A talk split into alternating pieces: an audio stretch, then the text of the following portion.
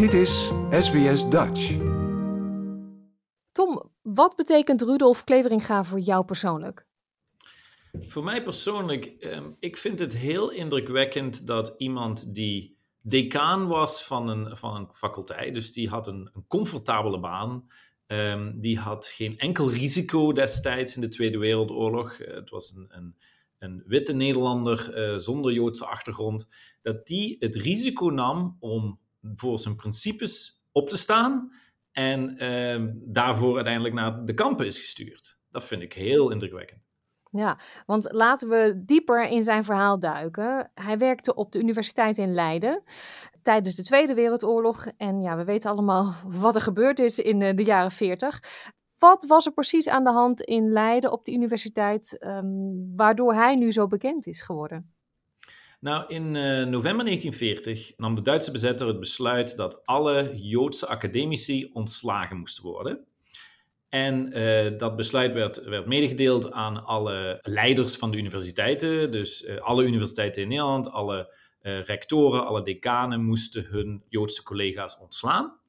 En Kleveringa in Leiden, als decaan van de rechtsfaculteit, heeft dat ook gedaan in die zin. Hij heeft niet iets gedaan tegen dat ontslag. Maar de dag erna moest hij het college van een van zijn collega's overnemen. Uh, zijn collega Meijers, die dus Joods uh, was en ontslagen was, uh, dat college moest hij overnemen. En in plaats van gewoon het college te geven aan de studenten, gaf hij een hele vurige speech tegen de bezetter. Ja, die speech is terug te vinden op internet. Ik zal een linkje op onze website plaatsen. Zeven pagina's lang. Wat zei hij precies in zijn speech? Want ik kan me voorstellen dat hij niet eh, kon zeggen. En nu gaan we er tegenaan en we gaan er tegenin en noem maar op. Want ja, dat was natuurlijk niet zo verstandig in die tijd. Nee, het deed een beetje inpakken alsof het een, uh, een juridisch college was. Maar iedereen die een beetje goed leest en een beetje goed luisterde, wist donders goed waar hij het over had.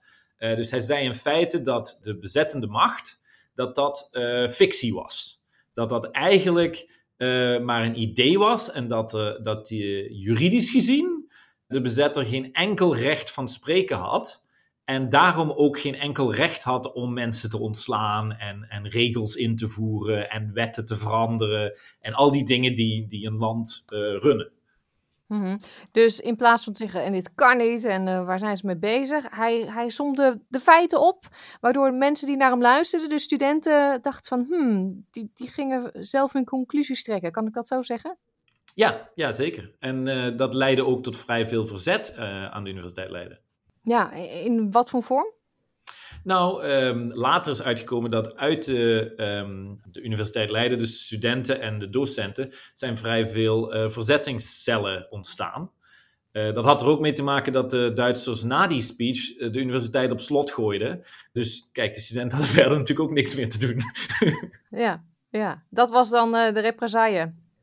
Uh, dat was een van de represailles. Dus de, Universiteit Leiden is de enige, zover als ik weet, die tijdens de oorlog uh, gesloten is geweest. Uh, alle andere Nederlandse universiteiten bleven in, in zekere vorm bestaan en open. ja, en Kleveringa die werd dus naar de kampen gestuurd. Ja, maar zijn speech is dus zo belangrijk geweest. Ik heb ook een heel mooi filmpje gezien van de universiteit, waarin ze ook zeggen: we waren de enige officiële instelling in Nederland die protest aantekende tegen de bezetters. En eigenlijk 83 jaar geleden, want we hebben het over 26 november 1940, zijn we Kleveringa dus nog niet vergeten. En gebeurt er elk jaar rond die datum over de hele wereld iets bijzonders. Dan worden er speeches gegeven. Ja, uh, in het begin, dus na, na, de, na de oorlog in 1945, werd de universiteit uh, weer heropend. En uh, toen zijn ze een aantal jaren later zijn ze begonnen met ieder jaar op dezelfde datum, of zo dicht mogelijk tegen die datum aan, om dan een speech te geven om het te hebben over mensenrechten, vrijheid en verantwoordelijkheid. En dat is eigenlijk al, al, ja, al 83 jaar het geval. Ja, en dit jaar zie ik het lijstje Mexico City, München, New Delhi, Rome, Den Haag, maar ook Sydney. En wie gaat de speech daar doen? Ikke. Ikke, ja. ja, ik zei de gek. Eh, is dat voor het eerst? Voor mij is het sowieso voor het eerst, maar volgens mij is het ook de eerste keer in Australië, ja. Ja, en betekent dat dan iets extra's voor jou? Ja, kijk, dit is, dit is wel een grote eer. Ik bedoel, ik, uh, ik geef dagelijks hoorcolleges, uh, maar om aan zo'n traditie mee te mogen werken, uh, om dus ja, goed, dat, dat, dat stokje door te geven, ja, dat is, dat is een grote eer. Daar ben ik echt wel heel blij mee. ja. Hmm, nou ben je universitair hoofddocent narratologie. Ja, vrijheid, mensenrechten is niet echt uh, je pakje Jan. Ik ben geen jurist, nee. nee. dat klopt. Hoe doe je dat dan nu met zo'n speech? Want dat is toch wel het overkoepelende thema. Ja, ja. nou, uh, ik ben inderdaad dus teruggegaan naar de oorspronkelijke speech van Kleveringa. Um, ik heb die dus uh, gelezen en uh, hij heeft het over verschillende onderdelen. Een aantal dingen zijn zeer juridisch. Maar hij heeft het ook op een bepaald moment heeft hij het over het idee dat er zoiets bestaat als een realiteitszin en een fictie, een fictieve zin. Dus er is een werkelijkheid die bestaat. Hè? Er zijn dingen die, die, zoals een tafel, die, die kun je voelen, die zijn echt.